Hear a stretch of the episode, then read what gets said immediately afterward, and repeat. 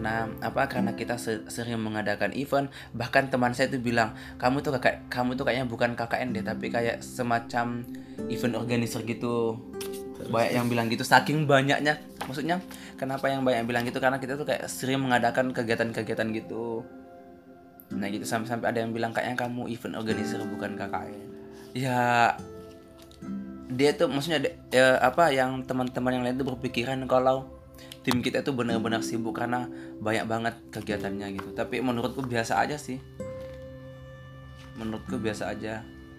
Dan apa dan maksud maksud saya itulah kayak itulah eh, bentuk kekompakan atau perjuangan kita sebelum KKN kan kita kita melakukan semua itu kan demi dana gitu demi mencari dana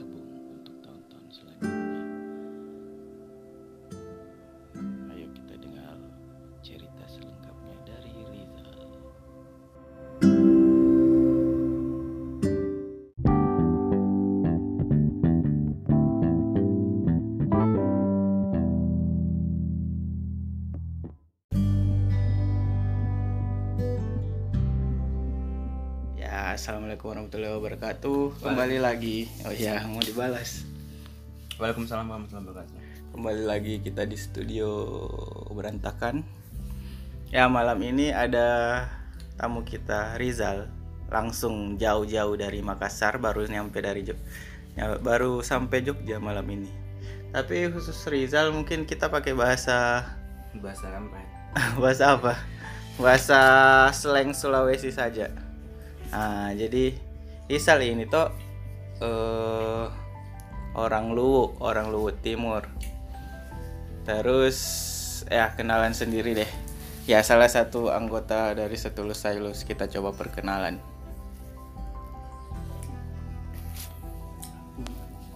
Bentar. Lanjut speaker.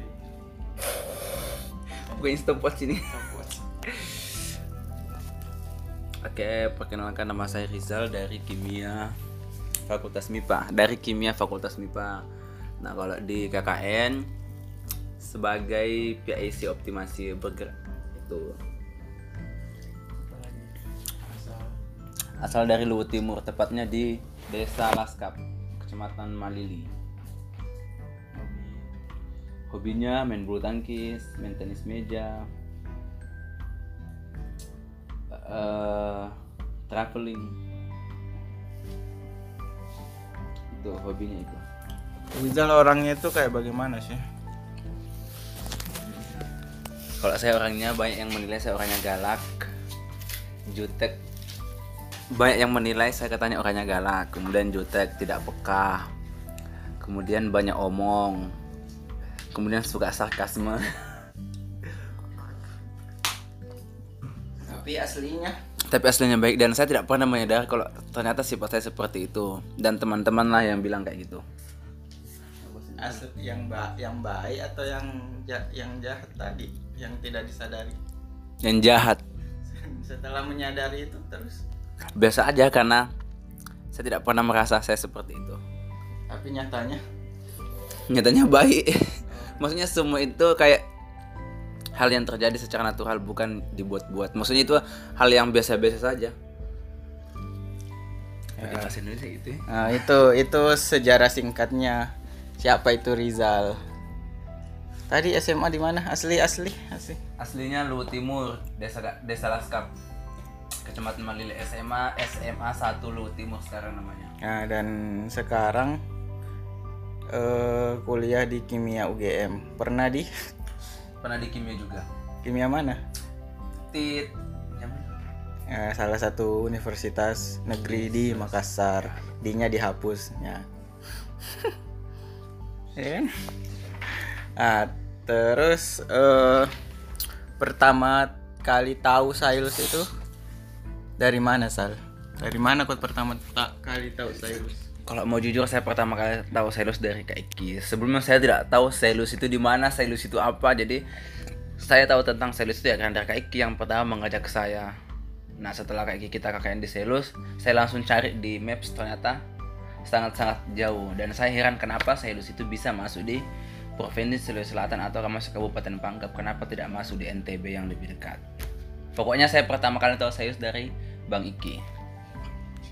Terus setelah tahu kenapa tertarik ikut bergabung?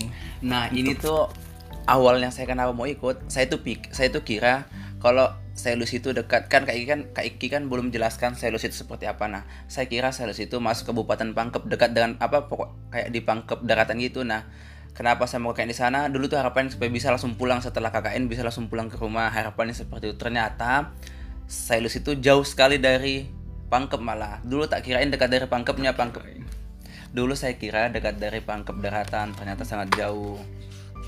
Dulu itu niatnya mau KKN di kampung maksudnya di Sulawesi Selatan biar bisa pulang di kampung kayak dua hari atau tiga hari. Karena tidak bisa sama sekali. Dan saya sangat sangat tertarik KKN Selus saya ingat sekali ketika rapat sama anak NJ nah di situ anak NJ menceritakan kalau di Selus itu seperti misalnya masyarakatnya ramah anak-anaknya baik kemudian benar-benar pulau terpencil. Nah di situ saya benar-benar sangat merasa kayak benar-benar sangat sangat mau KKN di sana. Itu.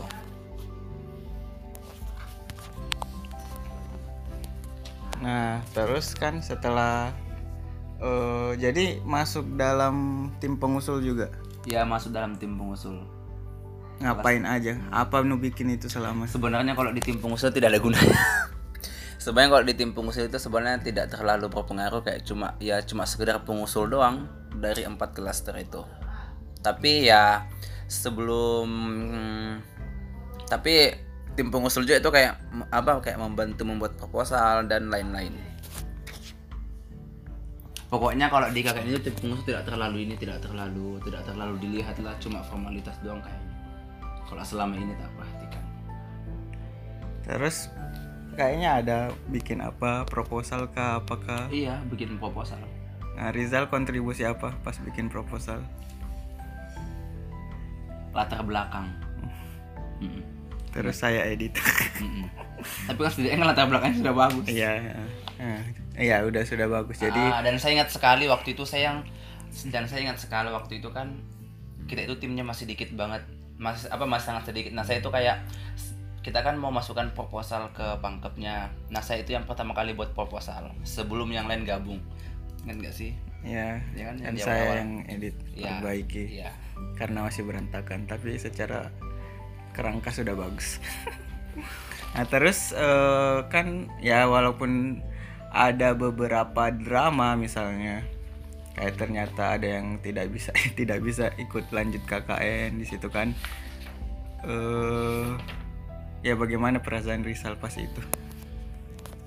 Nah itu kan waktu Kak Iki sama Mayang sama Kintan datang sur ya kan ya datang survei. Kemudian kalau tidak salah beberapa kayaknya seminggu ke depannya kan kita kan rapat. Nah di situ Kak Iki bilang tidak bisa KKN terus Mayang tidak bisa KKN jujur Nanda tidak bisa KKN terus Dewa tidak bisa KKN jujur saya tuh kayak sangat-sangat apa ya maksudnya sangat kecewa lah kalau Dewa tidak ikut KKN itu kan hal biasa maksudnya.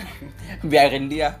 Dia juga maksudnya kayak jarang apa tidak ada kontribusi terhadap tim tapi kayak Kak Iki sama Mayang sama Nanda yang tidak bisa yang tidak KKN tuh kayak di tim itu kayak ada yang hilang. Soalnya mereka lah sebenarnya yang inti dari tim itu. Terus mereka yang tidak bisa terus mereka tidak bisa KKN tapi saya salut sama mereka karena mereka tetap bisa mendampingi kami sampai akhir terutama Bang Iki.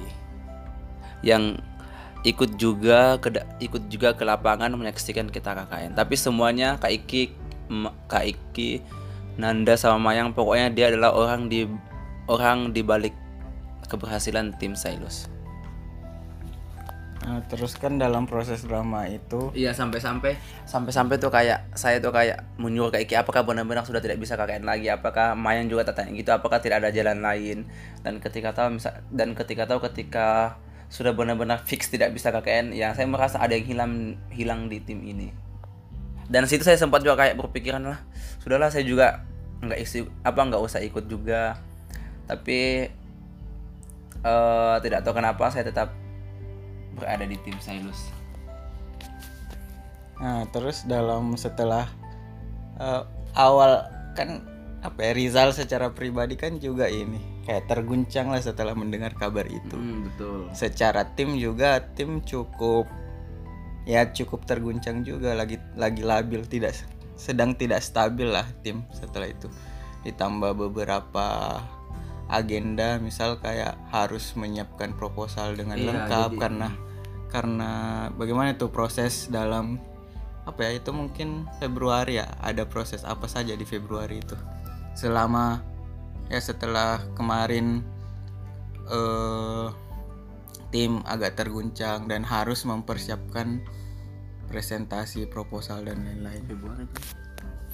Eh ya se- apa se- apa setelah tahu Kak Iki, Nanda sama yang tidak bisa KKN maksudnya di situ tuh kayak puncak-puncaknya kita harus banyak kita harus mengerjakan yang kita banyak kita harus mengerjakan banyak tapi mereka tidak bisa tidak bisa ikut KKN jadi benar yang dibilang Kak Iki kita sempat terguncang pada waktu itu.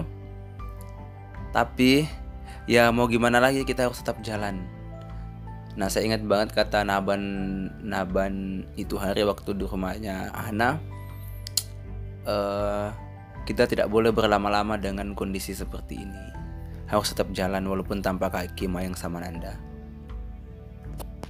Tapi saya sih apa tapi saya yang saya salutkan sama Kak Iki itu Karena walaupun dia tidak ikut KKN tapi dia benar-benar hampir memegang semuanya gitu. Proposal tetap dia yang handle semuanya pokoknya hampir semuanya dia yang handle dia yang koordinir. Walau tapi padahal dia tidak tidak ikut KKN misalnya kalau itu saya misalnya kalau itu saya yang tidak ikut KKN pasti saya sudah bodoh amat lah saya sudah lepas mending saya ngurus diri saya sendiri mending saya urus dunia kampus sendiri nggak usah apa tidak usah lagi campur KKN seandainya itu saya tapi dari situlah saya maksudnya saya benar-benar berterima kasih kepada Kak Iki, Nanda sama yang karena eh, walaupun secara administrasi dia tidak ikut KKN tapi dia tetap tetap dia benar-benar mendampingi kita sampai akhir.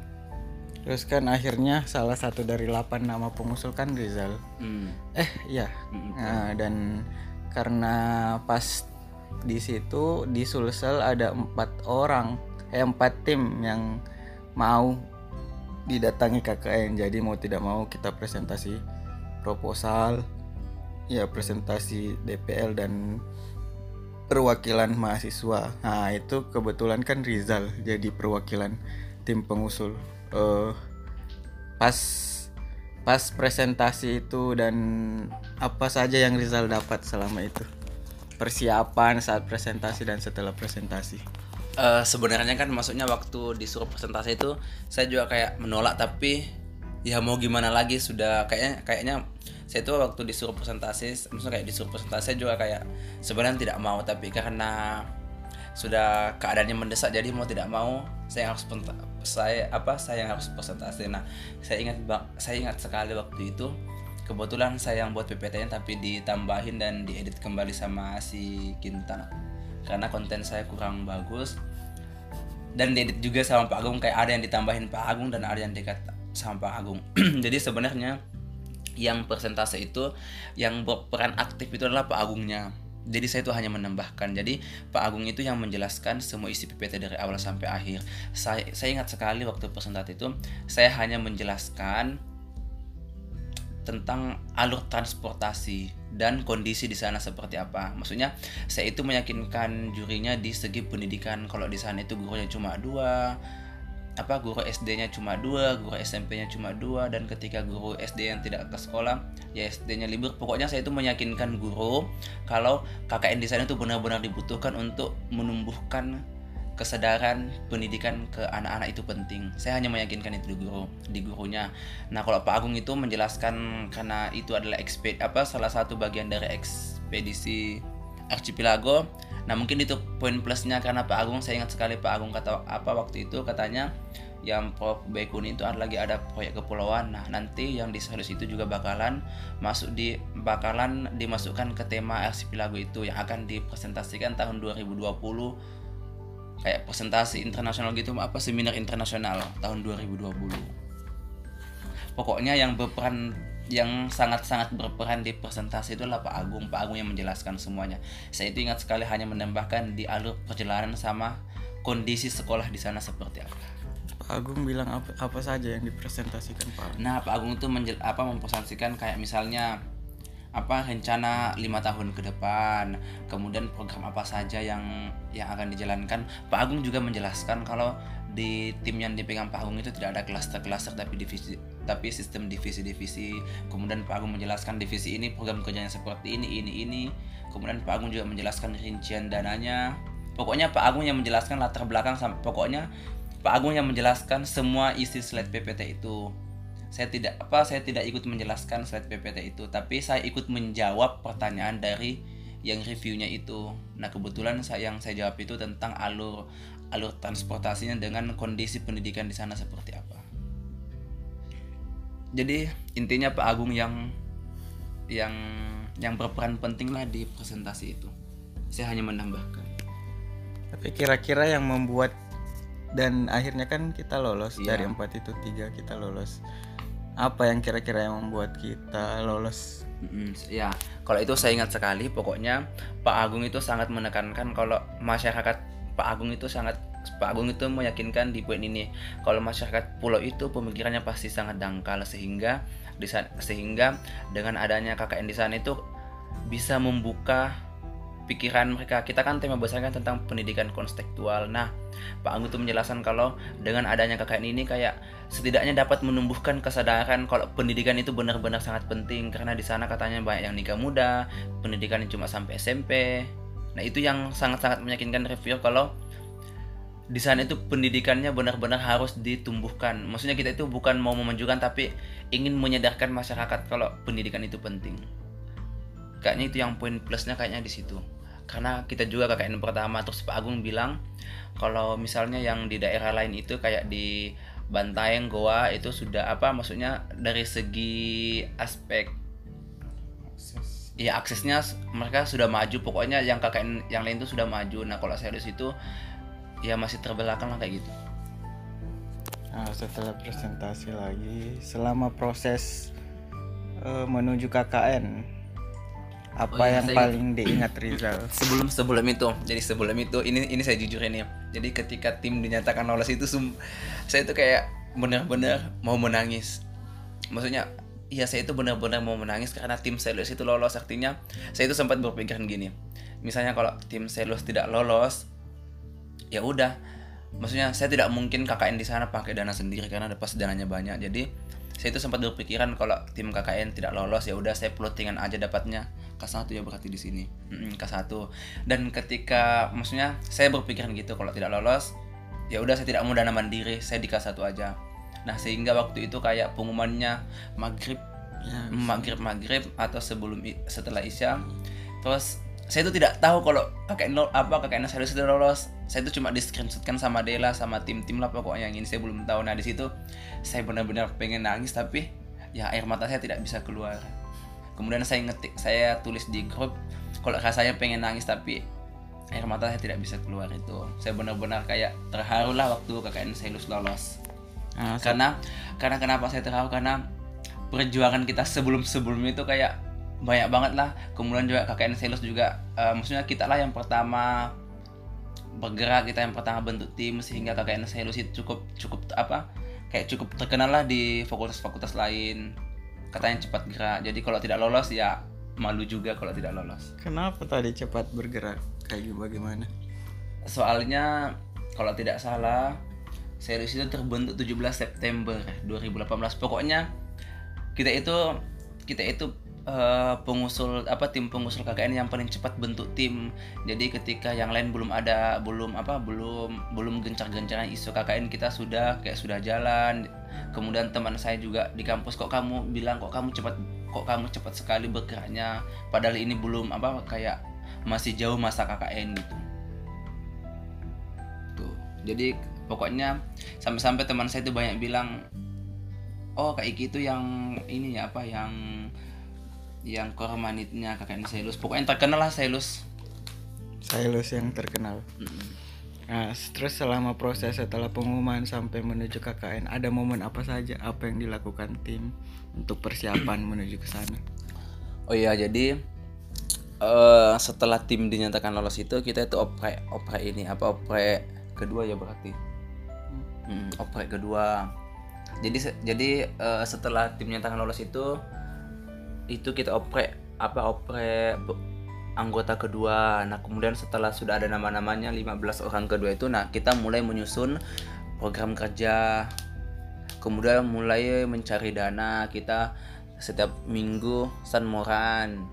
Kemudian kadang kadang jualan di Sanmor, kadang jualan di Keranggang.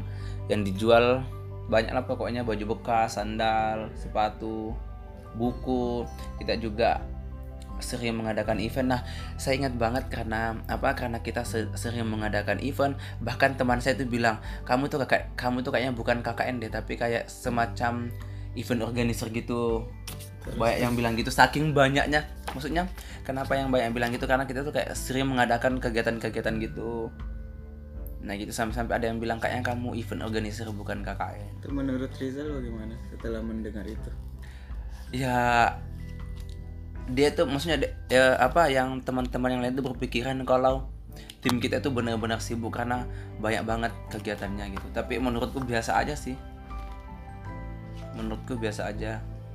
Dan apa dan maksud maksud saya itulah kayak itulah eh, bentuk kekompakan atau perjuangan kita sebelum KKN kan kita kita melakukan semua itu kan demi dana gitu demi mencari dana. Dananya tercukupi atau bagaimana? Kalau mau jujur tidak sih maksudnya saya itu sih saya sih sempat berpikiran maksudnya selama ini kita banyak melakukan kegiatan tapi dananya terkumpul cuma dikit kayaknya kalau tidak salah dari Sanmuran itu dan yang lain kayaknya cuma terkumpul 5 jutaan kayaknya 5 juta. kayaknya Lumayan. ya pokoknya itulah selama kita ini Ya kita, karena kita tidak dapat sponsor. iya karena kita tidak dapat sponsor Maklum lah. pokoknya sebelum kita berangkat KKN itu kita kayak pokoknya kita merancang semuanya lah kayak pembagian divisinya ini ini program kerjanya kita bentuk sendiri ini ini kemudian kita buat RAB nya seperti ini kemudian makrab pokoknya banyak lah yang kita lakukan sebelum eh, KKN Nah, salah satu momen yang paling berkesan selama sebelum apa ya? Kayaknya makrab bukan sih kalau momen yang ini sih yang yang makrab itu maksudnya momen yang berkesan itu di makrab. Karena di makrab itu kita saling tanya satu maksudnya tanya satu persatu orangnya seperti apa kita menjelaskan pribadi kita seperti apa kemudian ada outboundnya. Maksudnya itu adalah kayak hmm, ya momen yang berharga karena di situ semua tim kumpul semua. Jadi kita sudah bisa kayak ber bersosialisasi bukan bercengkrama dengan semua anggota tim. Karena selama kita rapat ada saja yang tidak bisa datang. Siapa itu? Siapa yang tidak bisa datang? Jadi jujur kalau jujur kalau saya jujur yang malas datang itu kayak Fai Ece Bagas Lita Mas Dirham. Kayaknya cuma itu yang malas-malas datang rapat. Nah, sudah. Sudah. Nah, kalau gitu kalau begitu tak geser ke pas pelaksanaan KKN mungkin sebelum eh, tiba ketibaan tadi dan set ketibaan di pulau misalnya. Nah orang-orang yang disebutkan tadi itu akhirnya ketika eh, pelaksanaan KKN apakah masih malas atau bagaimana? Beda jauh sekali ya. Jadi saya jelaskan satu persatu. Kalau maksudnya yang kelima itu saya itu kayak merasa apa ya merasa bersalah. Karena eh, sempat berpikiran jelek terhadap mereka. Saya itu berpikir bahkan saya itu ketika tahu setim sama lit eh sama ketika jadi ketika saya tahu setim sama Ece, Fai sama Bagas itu itu kayak saya saya kayak aduh setim sama mereka. Saya itu berpikiran bakalan tidak bisa bersosialisasi sama mereka karena kita sebelumnya belum akrab. Jadi sebelum kita berangkat KKN itu kita belum akrab. Tapi kalau Lita sama Dirham saya sering apa bukan sering saya pengen pernah lah ngobrol bareng pernah lah ini apa kayak cerita bareng. Tapi kalau Dirham eh, apa tapi kalau Fai Bagas Ece itu kayak tidak akrab sama sekali. Jadi saya sempat berpikiran aduh setim sama mereka. Kayaknya susah akrab karena ya kita sebelum berangkat tidak akrab. Tapi ketika di lapangan ternyata mereka adalah orang-orang yang sangat asik. Dan saya tidak menyangka Fai bakalan seasik itu Bagas bakalan seasik itu Ece bakalan seasik itu. Pokoknya mereka kayak bener-bener berubah 360 derajat pas di pas di KKN ternyata mereka orang yang rajin mereka adalah orang yang humornya tinggi jokesnya lucu. Pokoknya beda lah sebelum dan sesudah. Saya sangat merasakan mereka. Soalnya ya mereka malas datang rapat jadi saya tidak bisa membaca karakternya. Tapi ketika ketika di pas KKN ternyata sangat berbeda dengan apa yang saya tahu sebelumnya udah kan tadi ya bergeser. Berarti Rizal dapat di pulau mana? saya dapatnya di Polondro dan jadi apa s- jadi waktu lot itu kan kormasitnya kan ada empat. Ada Dela yang partner sama Naban kemudian Kintan yang partner sama Juson kemudian mereka lot.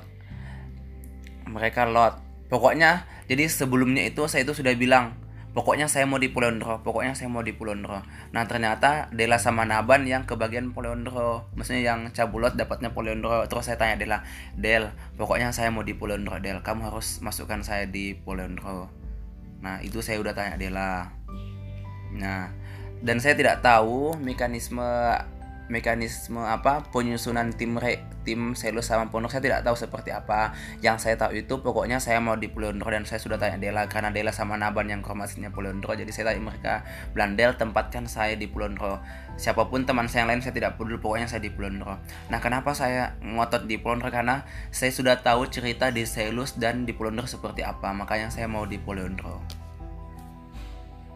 Dan dan ternyata dan ternyata yang gabung di Pulondro itu ya orang-orangnya ternyata asik semua jadi saya merasa senang tambah senang Ah, terus saat pertama kali menginjakkan kaki di Poliondro, bagaimana? di Pulondronya ya perasaannya? Bulata Ah, di Pulondro jadi eh, waktu apa waktu Beda kah per- pertama kali saya sama Poliondro?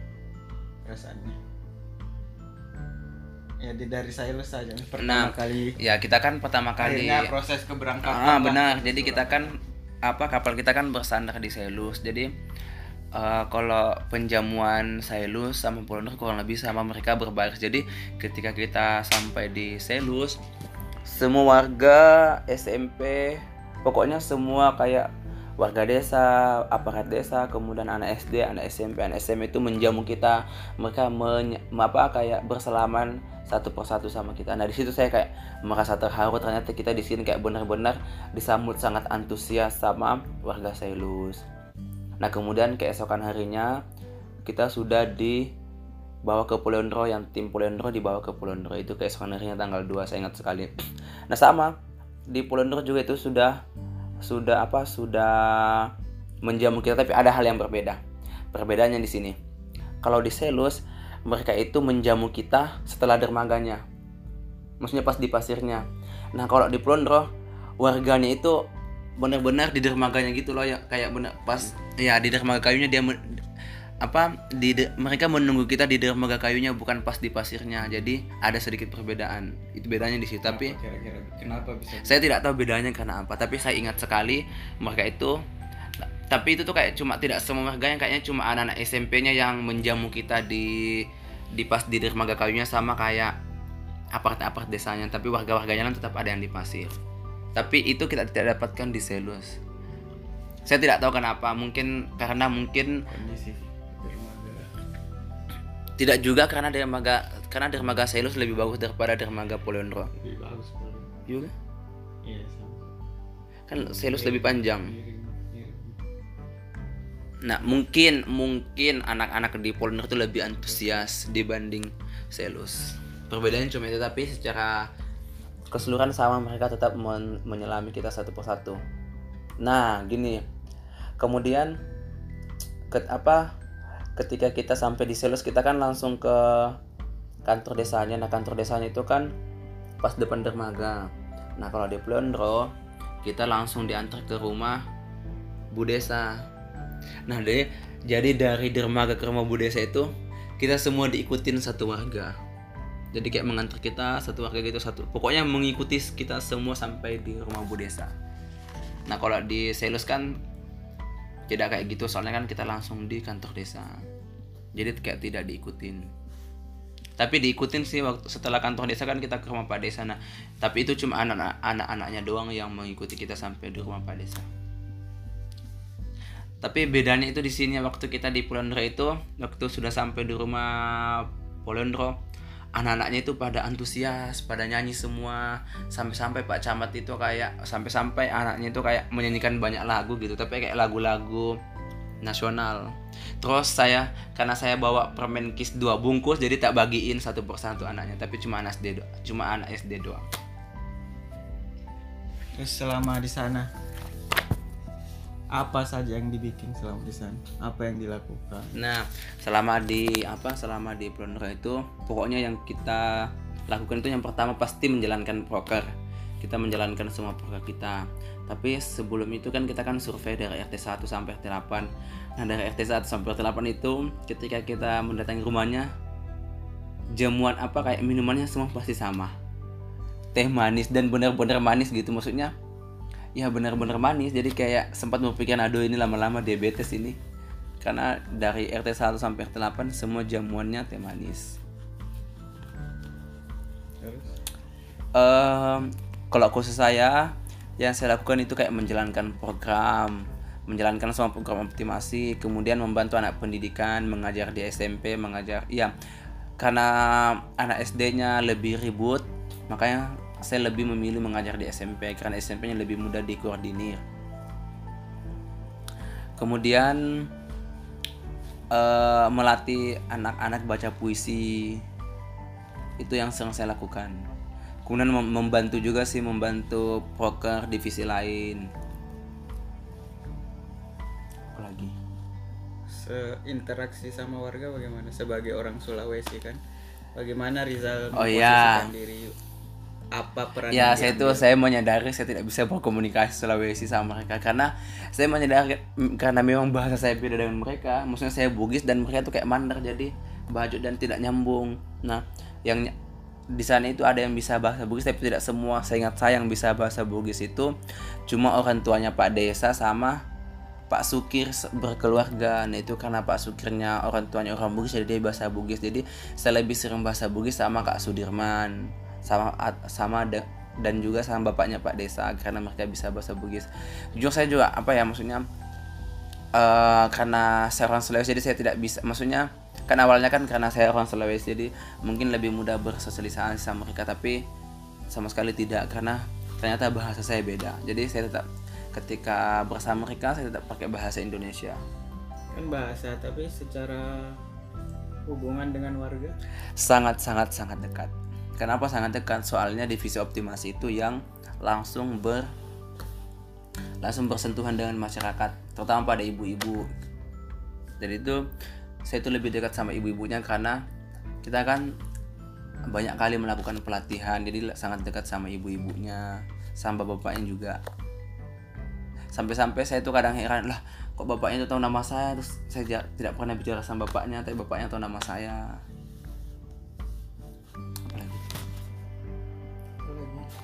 sehari-hari pokoknya kan kan optimasi itu kan bergeraknya jam 2 sampai sampai sore sampai jam setengah enam. Jadi pagi itu saya ngisi dengan mengajar. Saya SMP yang saya ajar itu kelas 2 sama kelas 3 kelas 1 juga sering.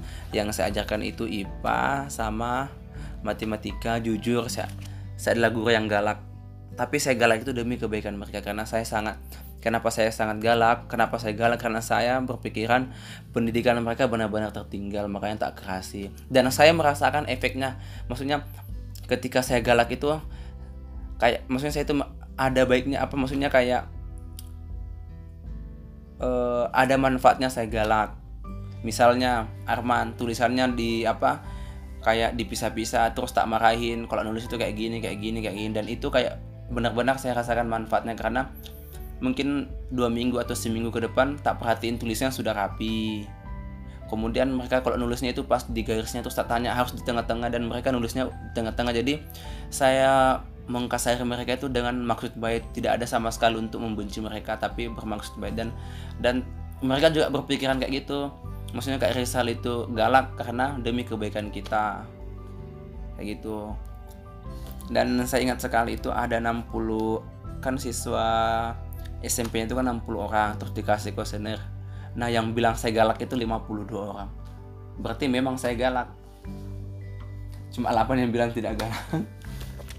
Tapi saya galak itu ya karena ada maksudnya demi kebaikan mereka semata-mata demi kebaikan mereka biar mereka bisa lebih bisa lebih maju lagi. Dan saya ingat sekali pesan pesan Galang apa di kesan Galang dia menyatakan bahwa Galang kayak apa ya maksudnya Galang itu lambat menyadari kalau Kak Rizal itu baik tidak galak kemudian banyak juga anak SMP yang bilang dia itu lebih senang kalau Kak Rizal yang masuk dibanding kakak-kakak yang lain jadi saya gal walaupun saya galak tapi di kelas itu tetap saya kadang melucu membuat mereka tertawa tuh Tapi kondisi kan Rizal di SMP. Mm-mm. Kondisi SMP bagaimana sih? Mulai dari sarana, infrastruktur, terus guru.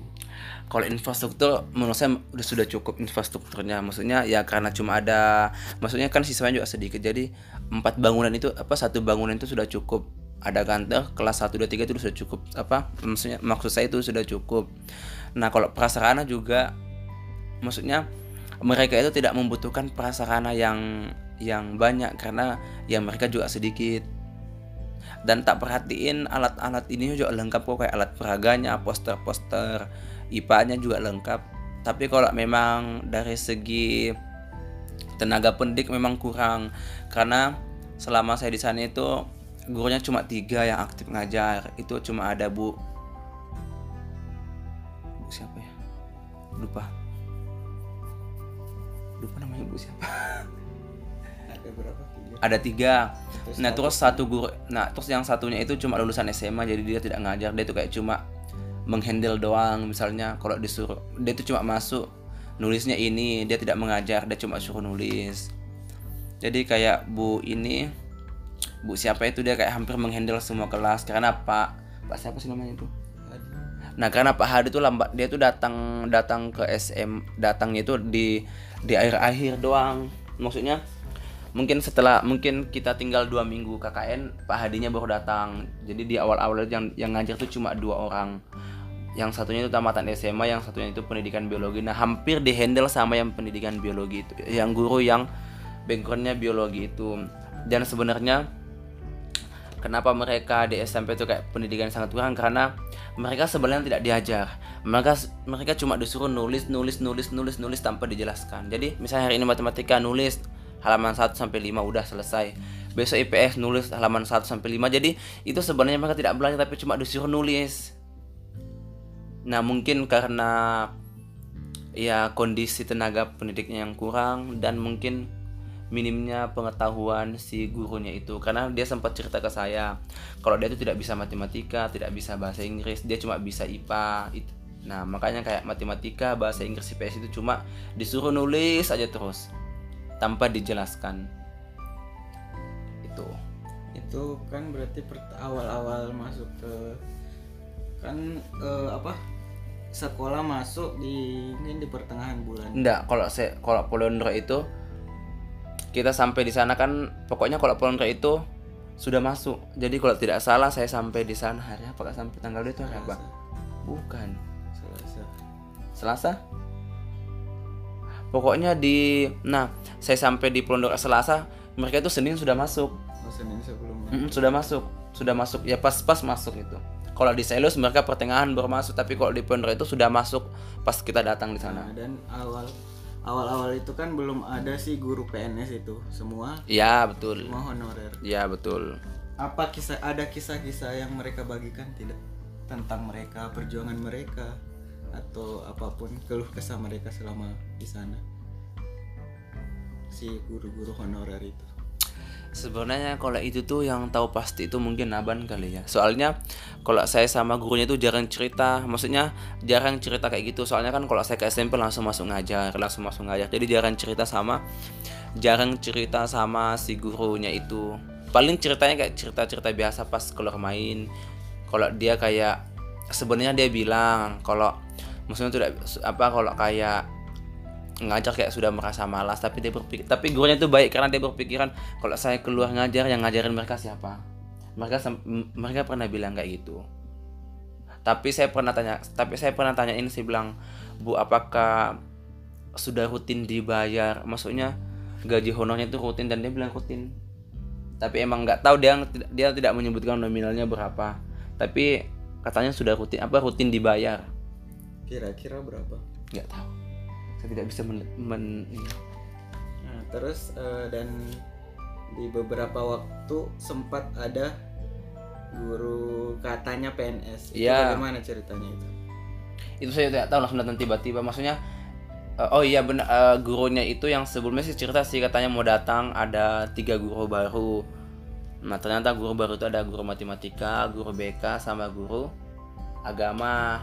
Nah saya sempat bilang ke gurunya lah kok ada guru BK di sini kan tidak terlalu dibutuhkan guru BK itu tapi entah mengapa lah ada guru BK saya tuh kayak berharap guru lain lah yang ngisi misalnya guru IPS mungkin karena di pulau itu belum ada guru IPS Dan gurunya di situ.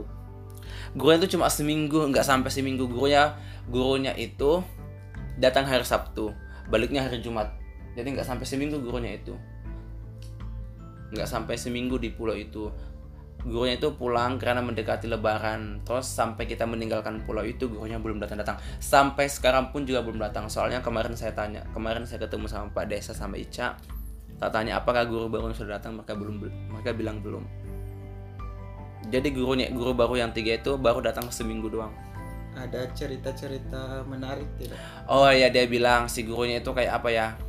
Dia bilang dia sempat bilang gini ke aku saya ingat sekali guru matematika itu bilang bilang aduh di sini tidak ada jaringan ya bagaimana ini komunikasi sama anak saya? Saya juga punya anak ba anak bayi yang umurnya baru 8 bulan. Terus tak tanya bu di sini pak terus tak tanya sempat tanya bilang bu di sini itu ke depannya bakal ada jaringan soalnya pak desanya sudah menganggarkan jaringan jadi jadi bisa bakalan bisa komunikasi pokoknya Terus terus ada Hmm. Terus yang kepala sekolahan itu saya sempat maksa jengkel sih. Maksudnya kayak maksa jengkel. Karena dia bilang gini, saya itu tidak bisa hidup di pulau ini, saya tidak bisa bersosialisasi sama orang pulau ini karena pemikiran mereka masih dangkal. Dia bilang gitu ke kita-kita. Makanya saya bilang, makanya saya kayak jengkel sama dia. Kok sok banget sih dia maksudnya? Sok banget gitu bilang kayak gitu tidak bisa hidup di pulau ini karena tidak bisa karena pemikiran di pulau itu sangat dangkal. Terus dia bilang buktinya buktinya gini dulu saya suruh benerin rumah ini kayak diperbaiki gitu nah sampai sekarang pas dia datang juga belum dibenerin. Nah itu mungkin karena dia marah sih sama penduduk pulau makanya bilang kayak gitu tidak bisa hidup di pulau ini. Tidak ada. Apa refleksi terbesar Rizal terhadap ya tenaga pendidikan itu si PNS atau honor atau gimana? sebenarnya saya kayak berpikiran bagus sih ada mereka maksudnya eh ada tambahan pengajar gitu. Tapi kalau kayak datangnya kayak setahun sekali itu ya sama aja mending gak usah. Maksudnya kasihan loh maksudnya kasihan yang bertiga itu maksudnya sudah ada guru PNS tapi kalau datangnya setahun sekali ya sama doang nggak ada mending nggak usah. Karena kasihan si guru yang tiga itu maksudnya ya nggak ada gunanya juga yang PNS itu diangkat tatonya kalau malas datang. Kan gajinya da- jalan terus. Iya gajinya tuh kayak makan gaji buta. Mereka orang mana? Mereka bilang orang pangkep. Dan saya bisa komunikasi pangkep sama dia karena bahasanya agak mirip. Darat. Dia nggak bilang. Pangkep mana nggak bilang nggak bilang. Pokoknya dia bilang orang pangkep. Dan saya berpikiran mungkin mereka pangkep daratan karena ada jaringan. Nah, terus terus. Tapi lucu sih yang guru apa ya itu yang kencing celana aduh siapa yang namanya? Ah apa? Kayaknya guru agama itu kayak eh lupa. Kenapa kenapa? Itu cerita apa itu? Nah itu tuh ketika dia dari Selus ke Polondro katanya ombaknya besar sampai-sampai dia kencing celana ketakutan. Lupa guru apa? Guru agama atau guru matematika kali ya itu yang ngomong. Katanya saking takutnya dia sampai-sampai kencing celana dari Selus ke Polondro. Ya karena emang ombak itu emang besar sih waktu itu. Makanya dia takut. nah terus eh, selain di SD itu kan formal eh selain di SMP tadi kan di range waktu formal terus Rizal juga Iya, jadi ketika selesai ha- kalau misalnya mau selesai kelas, saya itu juga kayak bukan selalu tapi hampir lah mungkin kalau saya selama ini ngajar 50 kali mungkin ada 40 kali saya selipkan kayak kata-kata motivasi. Misalnya kalian jangan pernah merasa merasa malu hidup di pulau. Maksudnya jangan pernah merasa merendah hidup di pulau.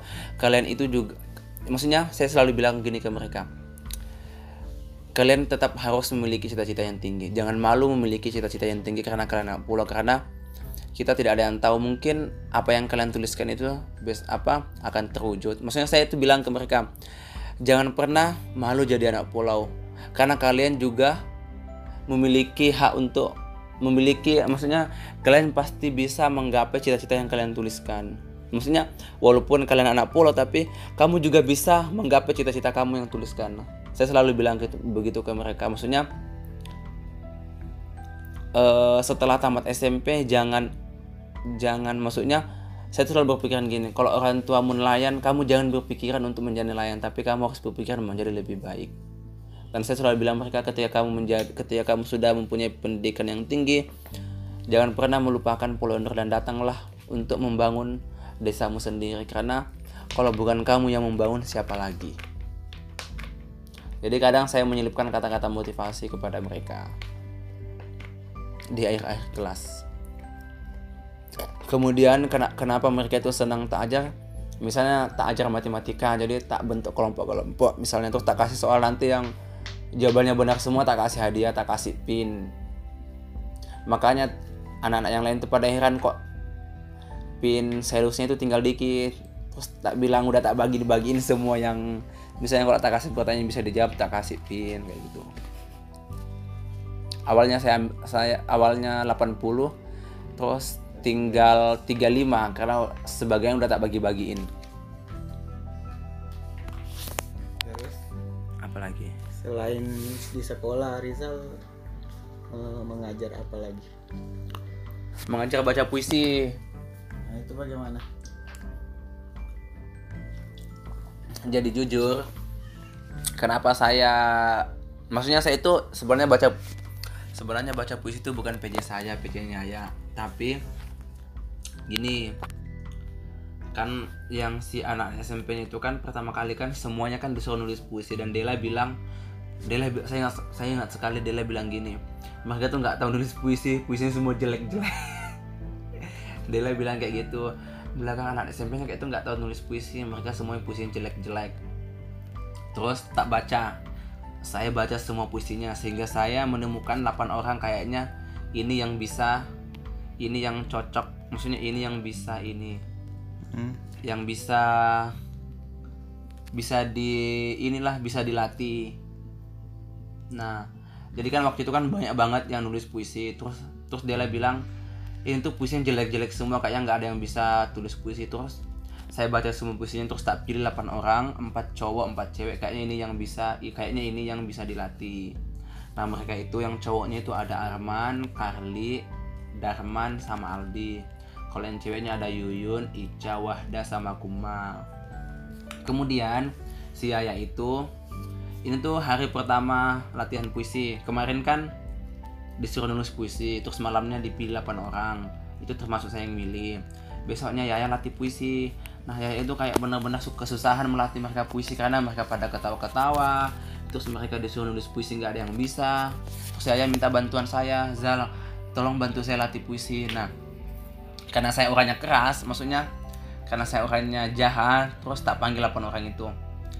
Maksudnya tak maksudnya tak panggil orang 8 orang itu terus tak turun nulis puisi. Jujur waktu saya mereka apa waktu saya mereka tulis puisi saya itu awalnya cuma menyuruh mereka nulis empat baris puisi. Dan ternyata memang mereka tuh kayak apa ya maksudnya kayak nggak tahu nulis puisi. Maksudnya bukan nggak tahu sih maksudnya kata-katanya itu kayak nggak nyambung atau kayak tidak bagus di apa pokoknya kata-kata yang biasa.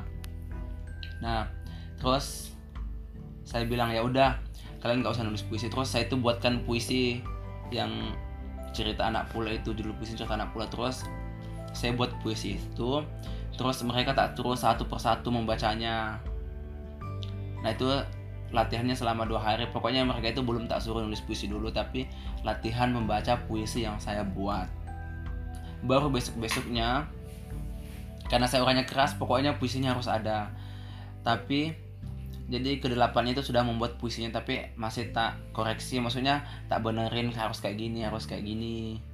Dan menurut saya yang momen yang paling berharga selama saya di Polner itu ketika melatih puisi karena itu kayak hampir tiap hari dan ketika mereka tampil mereka itu kayak benar-benar kayak sudah membalas maksudnya saya sangat-sangat bangga dengan mereka. Mereka telah membalas saya dengan penampilan yang sangat bagus menurut saya. Jadi saya kayak merasa tidak sia-sia melatih mereka selama ini karena mereka telah menampilkan yang terbaik. Dan saya sampaikan sama mereka sebelum lo apa sebelum tampil kalau menang kalah itu belakang. Pokoknya kalian harus pede dulu harus tampil. Jadi saya itu juga kadang apa merasa kesusahan melatih puisi. Misalnya mereka masih ketawa-ketawa baca puisi mereka tidak mau melihat ke depan mereka selalu tunduk. Tapi karena tak sering marahin karena saya sering marahin sering marahin jadi mereka sudah pede sudah tidak melihat ke bawah lagi kemudian sudah tidak ketawa-ketawa lagi. Dan mereka membayar saya maksudnya membayar kayak mereka membayar saya itu dengan menampilkan dengan waktu lomba baca puisi mereka tampil dengan sangat baik. Dan itu merupakan kayak udahlah selama ini saya capek-capek melatih mereka baca puisi dan sudah terbayarkan karena mereka tampil dengan sangat bagus menurut saya. Walaupun ada yang mungkin yang berpikiran jelek tapi menurut saya benar-benar sudah bagus. Nah tadi kan apa uh, apa sebenarnya output utama yang menurut Rizal sih dari proses uh, pembelajaran puisi dan akhirnya ditampilkan dalam Festival Tengah Nusantara itu. Apa yang dibawa Rizal sehingga itu terus yang disampaikan setiap hari? Setiap hari jadi sebenarnya kalau tiap hari tuh latihannya sama baca puisi terus ya jangan jadi tiap hari kalau saya melatih itu semuanya hari ini sampai besok-besok itu latihannya sama. Bagaimana cara menyampaikan apa kayak intonasinya jangan datar kemudian harus melihat ke depan tidak boleh ketawa. Itu aja tiap hari yang diulang. Dan apa ya maksudnya jadi yang mereka berlapan itu kebanyakan puisinya itu tentang pulau maksudnya kenapa saya kena walaupun ada sebagainya tentang guru tentang ibu tapi hampir semua tentang pulau. Yang enamnya itu tentang pulau karena mereka adalah anak pulau jadi puisi yang cocok mereka itu tentang pulau mereka. Mereka harus bangga dengan kehidupan pulau mereka. Jadi misalnya kayak Kak si Arman puisinya dia tentang mimpi anak pulau kemudian si Darman puisi tentang pesisirku. Kemudian si kemudian si Aldi puisinya tentang indahnya pulauku. Pokoknya puisi mereka tentang pulau gitu. Jawab nggak pertanyaannya uh, uh, menjawab tapi pokoknya puisi tentang hmm. pokoknya inti puisinya itu tentang mereka harus bangga menjadi anak pulau dan puisinya itu menggambarkan kehidupan mereka di pulau itu. Misalnya si Arman kayak apa maksudnya uh, lirik puisi yang bagus itu di awal misalnya ku bukanlah siapa-siapa. Hanya anak pulau yang bermimpi bahwa esok hari laut masih tenang. Maksudnya itu menggambarkan tentang kehidupan mereka bahwa mereka itu mereka itu anak pulau yang sangat maksudnya mereka itu anak pulau yang yang yang kehidupan di situ sangat bergantung sama laut. Walaupun uh, walaupun di walaupun puisi Arman itu uh, intinya tentang anak pulau harus memiliki mimpi yang memiliki yang tinggi memiliki yang tinggi. Karena di akhir puisi itu uh, ada kalimat tentang uh, dia ada ada kata tentang ini. Uh, oh pemuda pulau Nro kitalah masa depan oh pemuda pulau ini kitalah masa depan Polendro yang akan membawa perubahan. Kita akan uh, kita akan membawa Polendro dari apa? Maksudnya uh, bahwa ada kata gini kitalah masa depan Polendro yang akan membawa perubahan di pulau ini.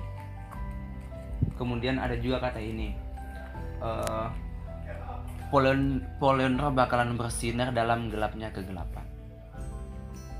Ya kan kan tentang mimpi anak pulau jadi ya menceritakan tentang mimpi mereka bahwa mereka ingin Polonro itu harus bersinar dalam gelapnya kegelapan. Maksudnya itu dengan keterbatasan apa pun mereka harus bisa membangun pulau mereka sendiri itu tapi eh, kan apa ya nah ini biar ada feedback eh Rizal kan emang suka puisi. Jujur saya tidak suka puisi maksudnya bukan tidak suka. Saya tidak saya tidak tahu buat puisi sama sekali dan saya tidak bisa baca puisi sama sekali. Tapi entah mengapa ketika saya tapi entah mengapa ketika di pondok kayak kayak jiwa apa ya maksudnya kayak jiwa menulis puisi itu kayak nggak tahu kenapa bisa muncul tiba-tiba gitu. Maksudnya kenapa? Dan saya yakin kenapa saya bisa menuliskan kata-kata seperti itu. Padahal saya itu bukan orang yang suka baca puisi dan bukan orang yang pandai menulis puisi.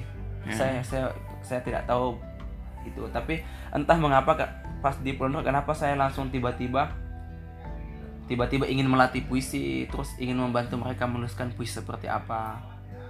Tidak tahu kenapa itu muncul secara spontan lah pokoknya dan iya jujur saya bukan orang yang suka baca puisi dan bukan orang yang pandai menulis puisi. Saya tidak pandai mera- apa kayak membuat kata-kata indah. Rizal rajin membaca. Tidak rajin membaca. Jujur saya itu orang yang, saya jujur saya itu orang yang tidak suka membaca. Saya tidak suka membaca buku apa pun kecuali buku buku kimia maksudnya buku pelajaran saya sendiri. Yang ada di tangan saya. Yang ada di tent saya sekarang ini buku kimia dasar nah maksudnya hmm, kenapa saya malah baca puisi jujur? Misalnya kayak buku itu yang kebanyakan kan buku itu kan yang misalnya bukunya kayak Ki.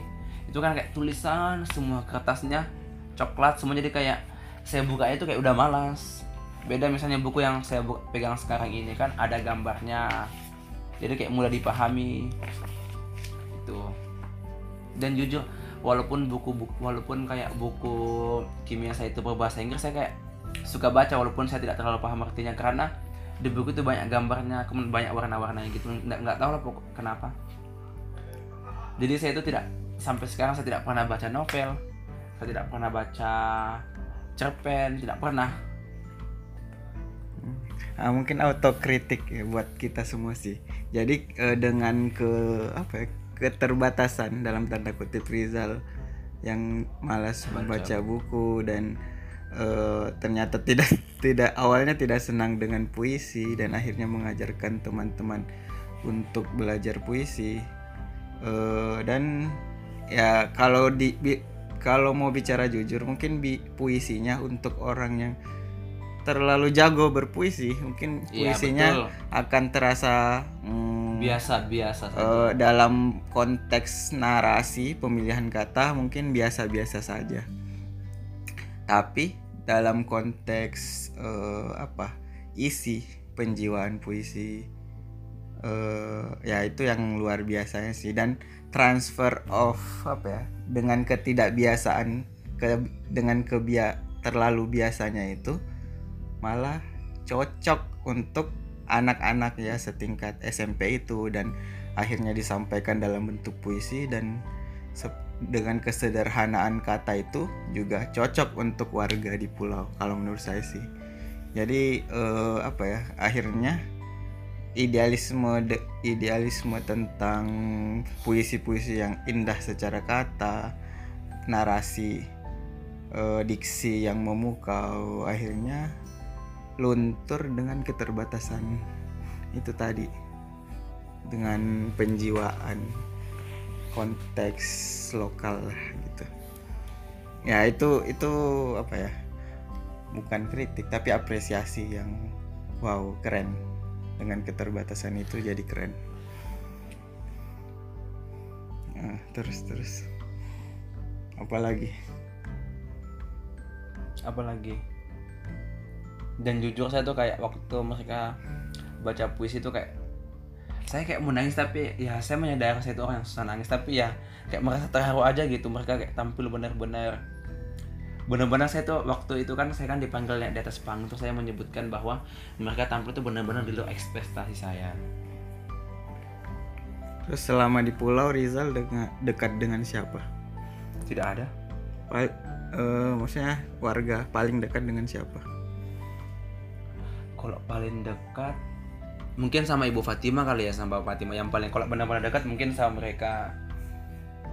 Tapi kok dekat-dekat biasa saya juga dekat sama ibu RT 4 dekat sama mamanya Herman ibunya Wahda ibu, ibu RW 2 tapi kalau kayak benar-benar dekat itu mungkin sama ibu Fatimah Kalau paling dekat dengan anak, kalau paling dekat itu sama Arjun karena Arjun itu kayak tiap hari datang ke rumah sama Arman. Kenapa tuh Arman? Arjun dulu. Mm. Jadi jujur saya tuh ingat sekali ketika sampai di Pulau Nrok saya itu tidak tidak pernah menyuruh Arjun. Maksudnya ketika sampai di Pulau Nrok Arjun itu langsung mungkin nggak tahu ya dia tuh kayak langsung ngangkat koper saya maksudnya. Iya maksudnya Arjun tuh ngangkat satu koper dan itu koper saya yang diangkat Arjun dan saya ingat sekali maksudnya maksudnya Arjun itu kayak langsung spontan gitu loh ngangkat koper saya tanpa saya suruh.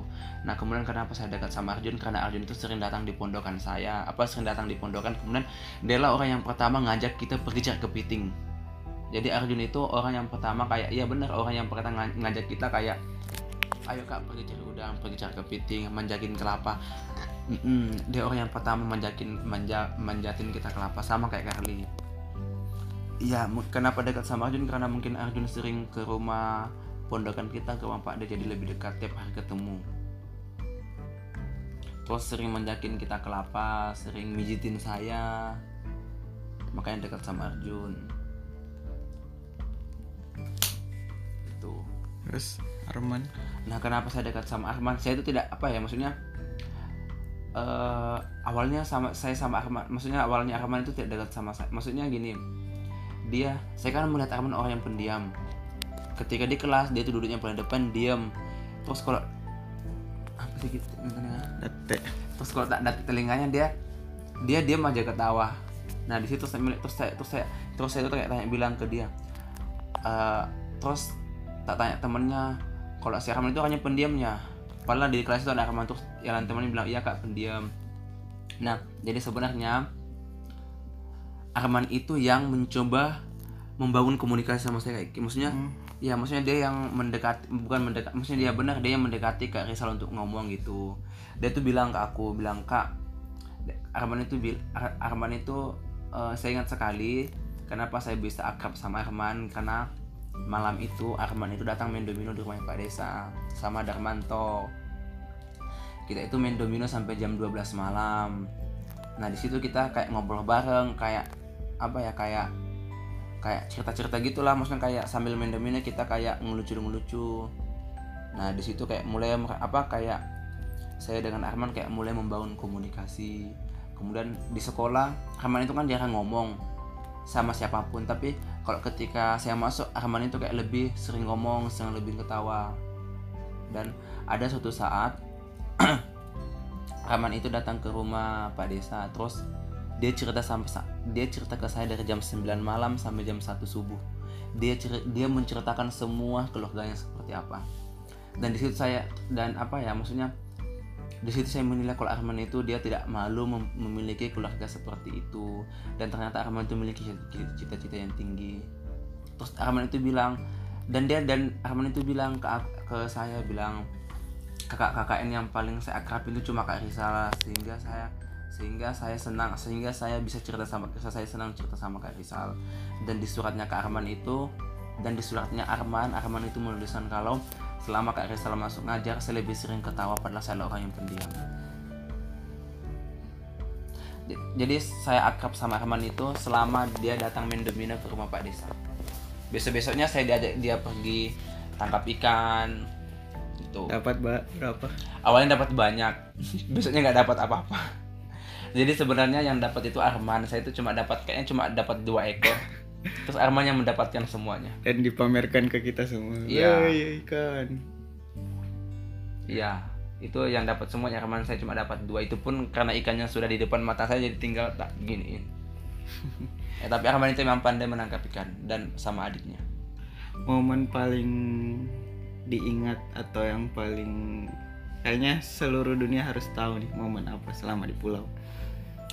Kalau jujur ya kalau momen saya yang paling berkesan itu yang tadi itu yang melatih baca puisi. Maksudnya itu kayak sulit saya lupakan kayak hampir tiap hari loh saya mengajar mereka baca puisi dan ternyata mereka bisa menampil dan mereka bisa tampil dan mereka bisa tampil puisi sangat bagus. Itu yang paling berkesan menurut saya. Itu yang paling ini yang paling berkesan buat saya. Tapi kalau menjalankan program itu kayak hal-hal yang biasa aja lewat lah. Maksudnya hal-hal yang biasa saja tidak maksudnya tidak maksudnya bukan memori indah selama di Pulau gitu Kalau hal-hal yang lucu, yang paling lucu deh. paling lucu apa ya kalau hal yang lucu ketika perpisahan saya ini apa Apa? saya jatuh Perpisahan. maksudnya pas pamit sama warga Pulendro ke Selus. Nah itu tuh saya jatuh di lubang sampai-sampai saya kayak benar-benar baring jatuh di dermaga itu dan itu dua kali. Di sa- eh, saat yang bersamaan itu, momen yang bersama. Pas meninggalkan Pulendro dan pas meninggalkan Selus. Dan itu waktu di Selus itu di depan Pak Camat. Sumpah rasanya malu banget.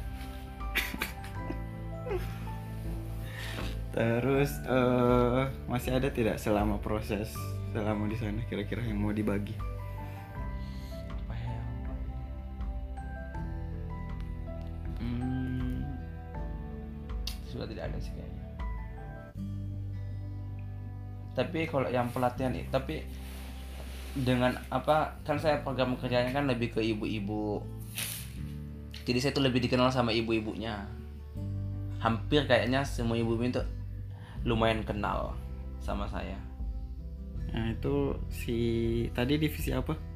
optimasi kemudian oh ini yang yang apa yang mau tak bagiin kan keluarganya Ahman itu kan bapaknya kan Pak RT 2 jadi waktu kita awal-awal kita kan survei mendatangi semua Pak RT Pak RW nah waktu kita ke rumahnya Pak RT 2 ya yaitu bapaknya Ahman namanya Pak Busri. Bapaknya Ahman itu kan lagi lagi nukang di samping rumahnya. Terus kita datang terus kita selamat terus pokoknya itu kayak kita berpikiran bapaknya kemarin itu adalah RT terdetek maksudnya dia bener-bener yang kalau kita ngomong iya iya ya kayak jutek banget gitu kayak kayak nggak bisa ngomong lah kita kayak sampai pikiran dia bisa ngomong atau enggak sih atau enggak sih soalnya kalau diajak ngomong diam aja terus terus jawabannya cuma iya iya iya sehingga kita menyimpulkan kayak dia paling jutek sampai sampai kita nggak mau menemui dia lagi tapi saya menyadari kalau bapaknya Rahman itu baik ketika malam-malam saya ke rumahnya menyampaikan surat. Ternyata dia baik humoris juga. Tapi yang lucunya waktu itu saya sama waktu lebaran haji saya sama Aida bertamu ke rumahnya karena dipanggil. Nah di situ ada adiknya Hasman, ada Arman, ada bapaknya, ada ibunya. Jadi kita cerita, kita cerita ya. Ah jadi tadi Ai sama Aida ke rumah Asma Arman terus terus Nah bapaknya itu diam-diam terus kalau ada yang apa kalau ini jadi bapaknya itu bicara ketika kita ngajakin ngomong jadi kalau kita nggak ngajakin, ngomong bapaknya bakalan diam. Sampai-sampai si Aida makan keripik apa makan kacang aja kayak suara kacang itu kayak benar-benar keras gitu. Saking saking pendiamnya keluarga mereka. Terus apa lagi? Ah terus kita sampailah di penghujung eh, KKN dan momen perpisahan bagaimana perasaannya? Ya menuju momen perpisahan sih yang, ma- yang sebelum perpisahan mendekati kepulangan. Jadi waktu apa ketika semua program udah terlaksana, nah kita itu ini apa mengadakan festival tengah Nusantara. Itu ada lomba-lomba. Nah lomba-lombanya itu tujuannya untuk kayak mempererat mempererat persaudaraan antar RT. Itu kan kita kan membayangkan antar RT biar mereka semua pada kompak apa kayak pada maksudnya kayak anggota-anggota RT itu pada ini kayak pada kompak itu Nah yang paling lucu itu lomba tarik tambang, lomba karung, pokoknya lombanya semua itu semuanya lucu. Nanti tujuannya untuk menjalin kebersamaan di pulau pulau apa di di Polendro itu. Tuh sebelum balik ke Sailus. Apalagi? Sebelum balik ke ke, ke Jogja. Terus dapat momen lebaran itu bagaimana ceritanya? Biasa aja sih. Apa yang berbeda lebaran di pulau dengan lebaran di Oh iya ada. Yang kelihatan paling bedanya itu apa kayak jamuan makanan itu loh kan biasanya kalau kita lebaran di misalnya di kampung saya kan kayak ada kondro, ada kue kering, ada apa. Nah di pulau itu kita cuma di, di dikasih makan ikan. Maksudnya kan biasanya kan kalau lebaran kan pasti kayak daging minimal daging ayam lah. Nah ternyata di pulau itu kita dikasih ikan maksudnya jamuan ikan. Padahal ini kan lebaran kurban. Nah kok kok tapi kita itu kayak dikasih makan ikan. Doang sih. Terus terus Nah anehnya di Polendro itu kan kalau di kampung saya kan kalau kurban itu ayamnya itu dipotong setelah lebaran. Tapi di Polendro itu ayamnya dipotong sehari sebelum lebaran. Itu yang beda. Banyak semoga itu. Dapat. Nah terus terus apa lagi nah tibalah kita di kepulangan bagaimana perasaan Wah, jadi saya itu pernah apa? Saya itu saya itu pernah bilang ke tim ketika nanti kayak perpisahan gitu, saya itu kayak menantang diri saya nah, harus nangis. Soalnya kan saya kan orangnya sulit nangis. Dan ternyata itu terbukti apa? Iya terbukti waktu saya di meninggalkan Pulau saya benar-benar nangis, benar-benar sedih. Entah mengapa, entah mengapa saya nangis. Maksudnya mungkin karena ya berpisah dengan mereka jadi saya kayak nangis gitu. Kemudian waktu di selus nangis juga. Kemudian di atas kapal nangis juga. Kemudian di atas mobil nangis juga. Bahkan sampai udah sampai di Jogja kadang nangis juga. Saya sering nangis di kosan Yandang ketika kalau ingat Polionro soalnya kayak kakak ini tuh kayak benar-benar berkesan gitu kayak benar-benar ya benar-benar berkesan sulit untuk dilupakan. Apalagi gimana ceritanya pas ada momen yang kira-kira yang harus diceritakan terkait kepulangan itu? Ya momennya sedih-sedihan. Maksudnya kayak aduh karena kita sudah lama ber, apa kayak bercengkrama hidup bersama sama masyarakat. Jadi kayak merasa ini aja sih kayak merasa kayak merasa belum siap untuk berpisah dengan mereka. Dan mereka juga kenapa pada nangis bahkan yang ibu Komaria itu bilang dia membisik di telinga saya kalau nak Rizal harus ke sini lagi. Bilang kayak gitu. Terus ketika kita meninggalkan pulau itu dia bilang nanti kalau sudah di sana jangan lupa menoleh ke Polionro kayak gitu. Pokoknya sedih lah waktu perpisahan itu anak-anaknya juga pada nangis anak SD anak SMP juga pada nangis. Kayak mereka nggak rela loh berpisah sama kita. Dan sekarang sudah H plus 23 iya. Kepulangan. Nah, bagaimana perasaannya? Siapa yang paling dirindukan semuanya saya itu merindukan momen-momen maksudnya kalau yang paling rindukan itu kayak saya merindukan semuanya. Saya itu hanya merindukan momen-momen ketika di Plunder maksudnya kayak ketika pagi-pagi berangkat ke sekolah sore-sore di dermaga maksudnya momen-momen itu yang saya rindukan sama anak-anak sama ibu-ibu. Jadi kayak tidak satu orang misalnya kayak saya merindukan satu orang itu tidak saya merindukan semuanya. Saya merindukan momen-momen ketika di Pulau Nderong ketika ngajar SMP ketika sama ibu-ibu ketika di dermaga ketika sama anak-anak. Itu momen-momen yang dirindukan. Maksudnya yang ya momen-momen di Pulau Nderong lah. Mungkin keti- mungkin waktu saya di Jogja mungkin saya sudah nangis lima kali mungkin. Dan itu nangis yang benar-benar air mata saya keluar bukan kayak berkaca-kaca dan maksudnya air mata saya keluar.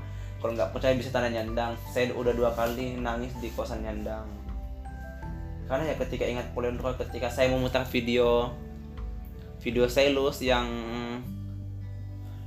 video ya after movie eh apa ya? Pokoknya video yang di Selus itu itu kayak lagunya sedih dan ya itu kadang air mata saya menetes.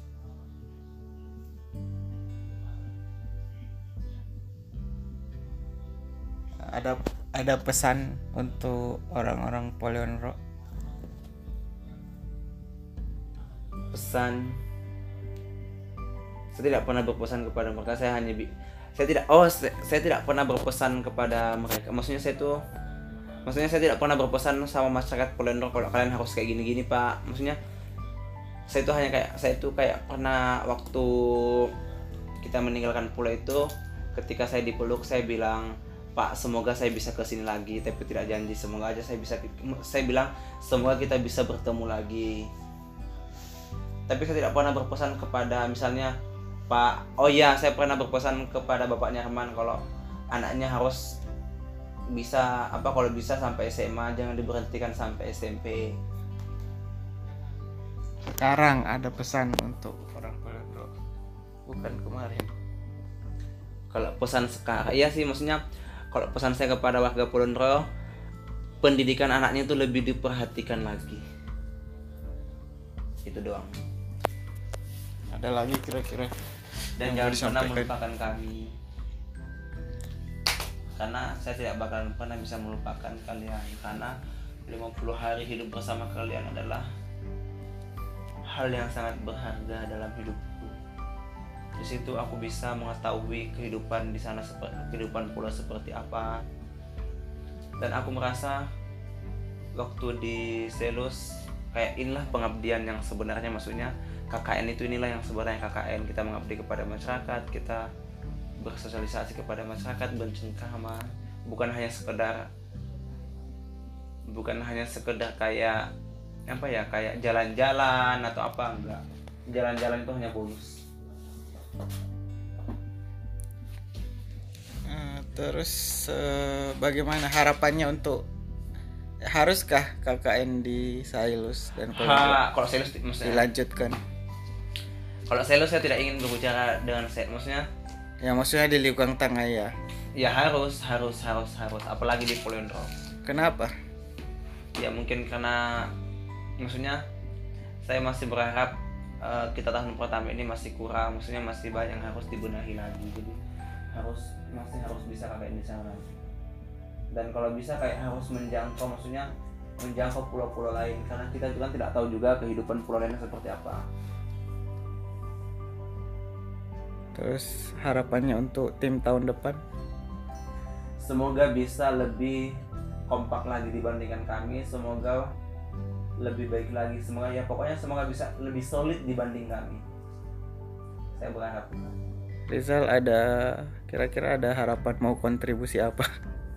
Untuk saya, saya tuh tahun ya, depan kalau saya ada. sudah berpikiran misalnya kalau saya ikut di saya tahun depan mungkin saya lebih berkontribusi ke pendidikan misalnya mengajar dan dan saya berharap maksudnya karena saya sering melatih puisi jadi saya kayak berharap tahun depan saya harus ke sana lagi dan harus melatih puisi lagi. Maksudnya kayak gitu. Berarti harus level up dong. Ya ya nggak tahu lah seperti apa. Karena saya juga nggak tahu level up itu harus seperti apa. Berarti harus sering-sering baca buku. Ya pokoknya harus maksudnya saya sih berharap semoga bisa ke sana lagi. Soalnya saya sudah bukan janji sih kepada warga di sana tapi berharap bisa bertemu lagi. Untuk apa tim mau ikut kontribusi kah? Atau bagaimana? Mau, mau. Dalam bentuk apa? Jadi saya tuh kayak sudah maksudnya kayak sudah berkata dalam hati maksudnya saya harus mendampingi Kak Iki membentuk tim dari awal biar saya biar saya bisa akrab dengan anak-anak tim ke depannya. Karena kalau saya gabung di tengah-tengah pasti nggak terlalu tidak terlalu akrab sama anggotanya. Jadi saya kayak mau dari awal juga mau dari awal pembentukan tim seperti apa Nah, jadi besok malam ketemu sama Kalbi sama Fani. Bisa kau ikut? Bisa. Besok malam kan Besok kapan malam. Be- besok besok atau? Besok. Besok itu ada ini ada Rapat rapat, apa? ada rapat sama anak sales juga. Oh apa apa? Kayak acara terakhir loh ini Oh. staycation. Maksudnya kita ada mau acara Hmm. terakhir. Setelah itu terserah kalian mau jam lepas. berapa? Yang katanya jam 7 sih. Oh ya ya ada lagi yang mau dibicarakan? Itu sih. Ya. Semoga ke depannya lebih baik lagi KKN berikutnya lebih baik dari kita. Dan harapan itu lebih depan ke depan itu kayak maksudnya kebutuhan tim itu kalau bisa jauh-jauh hari sudah dipersiapkan di Jogja. Jangan mepet-mepet di sana. Misalnya kayak hadiah lomba atau apa dan sebagainya. Tapi yang lebih ini sih lebih biar lebih nyaman menjalankan program sudah? Sudah. Itu dari Rizal saya Iki. Saya Rizal. Assalamualaikum. Warahmatullahi wabarakatuh